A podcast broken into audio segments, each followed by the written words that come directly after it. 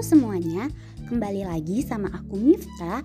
Nah, di kesempatan kali ini aku mau bincang-bincang sama kalian tentang salah satu hal yang menjadi masalah bagi pemerintah di era pandemi ini. Apakah itu? Nah, iya, kenaikan angka kelahiran. Nah, menurut BKKBN sendiri nih, terdapat 500 ribu kelahiran tak terencana selama masa pandemi ini teman-teman. Penyebab dari kenaikan angka kelahiran ini banyak faktornya. Menurut BKKBN itu salah satunya karena mereka sulit melakukan penyuluhan di masa pandemi ini. Tapi apa itu emang penyebab utamanya ya? Nah, untuk tahu kegiatan nyata dari naiknya angka kelahiran ini, aku udah ajak salah satu sepupuku. Beliau adalah calon bidan yang kerap dinas di rumah sakit untuk menangani kelahiran. Kita tanya-tanya aja yuk sama dia. Halo, selamat siang Kak Nada. Iya, halo, selamat siang.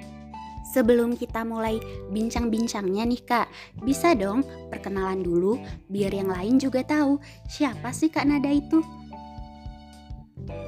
Halo semuanya, kenalkan nama saya Nada, saya mahasiswa kebidanan tingkat akhir.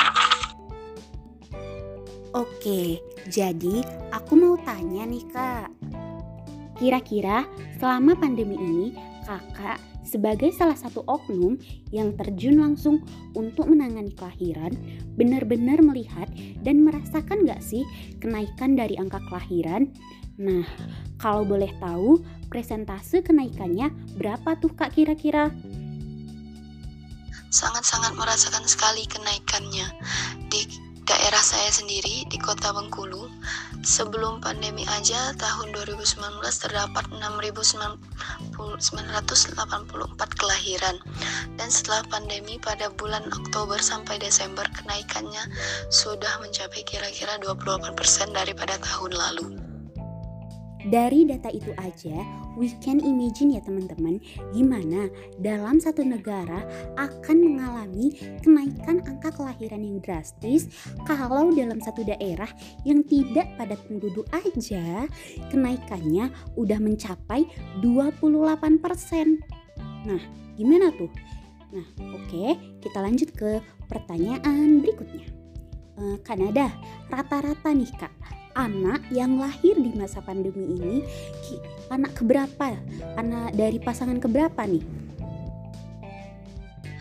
Rata-rata yang lahir ini nggak menentu sih anak keberapa ya, tapi kebanyakan ini adalah anak dari kehamilan yang tidak direncanakan.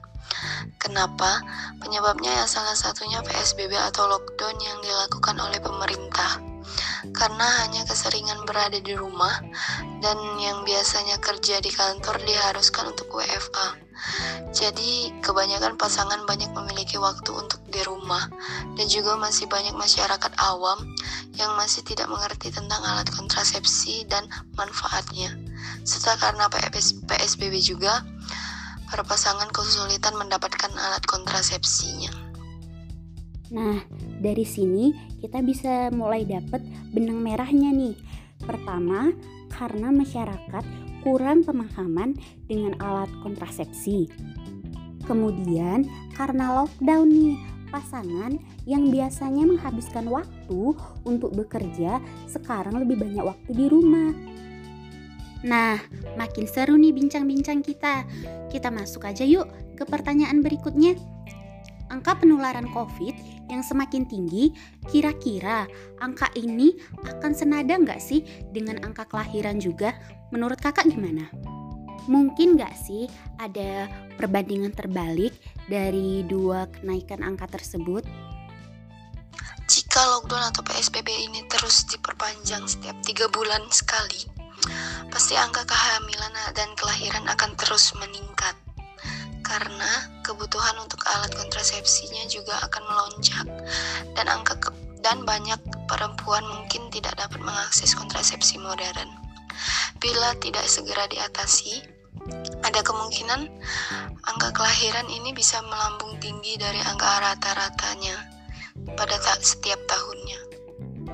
Wah, aku juga baru sadar sih kalau misalnya hal ini juga berpengaruh dalam ketersediaan alat kontrasepsi ternyata. Nah, kita akhirnya masuk ke pertanyaan terakhir. Menurut kakak, apakah naiknya angka kelahiran ini ada pengaruhnya nggak sih sama kurangnya kegiatan seorang penyuluh yang di mana di sini dilakukan oleh seorang lembaga BKKBN dalam melakukan penyuluhan selama pandemi? Um, bukan kurangnya melakukan penyuluhan sih, lebih tepatnya sulit untuk melakukan penyuluhan di tengah kondisi pandemi seperti sekarang ini karena penyuluhan kan biasanya dilakukan di satu tempat dan mengumpulkan masyarakat. Nah, karena sekarang tidak boleh adanya kerumunan, jadi susah untuk melakukan penyuluhan kepada masyarakat-masyarakat. Selama pandemi ini, biasanya tenaga kesehatan hanya melakukan penyuluhan seperti membuat spanduk, video tentang ke keluarga berencana, iklan-iklan dan brosur-brosur tentang alat-alat kontrasepsi yang dibagikan di puskesmas atau tempat-tempat klinik kesehatan. Tapi karena masyarakat juga masih banyak yang kurang mengerti tentang penggunaan dan manfaat alat kontrasepsi, jadi itu bisa meningkatkan angka kelahiran yang tidak direncanakan. Oke, makasih ya Kak atas materi bincang-bincangnya. Jadi, gitu ya teman-teman, bukannya kurang dalam melakukan kegiatan penyuluhan, tapi memang di era pandemi ini, di era maraknya penyebaran virus corona ini, memang agak sulit untuk melakukan kegiatan. Nah, salah satu kegiatan yang terdampak adalah kegiatan penyuluhan KB ini, guys dari percakapan kita tadi bisa kita bayangin ya guys kalau angka kelahiran di masa pandemi ini benar-benar membludak yang mana seperti kita tahu hal itu bukan hal yang baik karena negara kita sudah menempati urutan negara nomor 4 terpadat di dunia. Salah satu contoh dari buruknya lingkungan dengan penduduk yang padat adalah akan munculnya lingkungan yang tidak sehat. Nah, kalau udah kayak gini, kira-kira gimana sih upaya dari BKKBN untuk mencegah angka kelahiran? Menurut Bapak Hasto, selaku kepala BKKBN membuat beberapa langkah yaitu mulai dari melakukan pembinaan kesertaan ber-KB dan pencegahan putus pakai media KB. Kemudian melakukan analisis yang dilaksanakan oleh kader institusi masyarakat untuk mengetahui jumlah dan persebaran pasangan usia subur yang memerlukan pelayanan suntik KB, pil KB, IUD, dan implan mendistribusikan kontrasepsi, ulangan pil, dan kondom.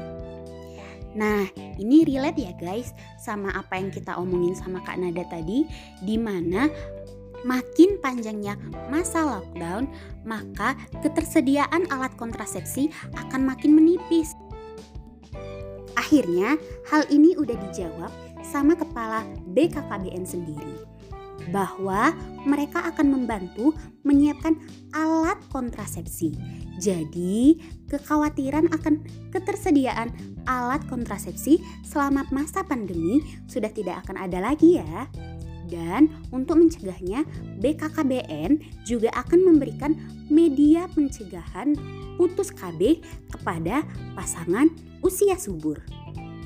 Langkah selanjutnya, persiapan dan pelaksanaan kegiatan pelayanan KB serta pembinaan kesertaan ber-KB termasuk KIE dan konseling menggunakan media daring dan medsos atau kunjungan langsung dengan memperhatikan jarak ideal dan bidan berperan sebagai pengawas dan pembina dalam hal distribusi alat kontrasepsi yang dilakukan oleh PKB atau PLKB. Nah, nggak kerasa udah selesai nih kita bincang-bincangnya pada siang hari ini. Semoga apa yang disampaikan membawa manfaat ya bagi pendengar semua. Dan harapannya semoga kita jadi makin sadar kalau naiknya angka kelahiran di Indonesia itu bukan hal yang baik. Jadi, kita bisa lebih bijak dalam mengambil tindakan. Terima kasih. Dah.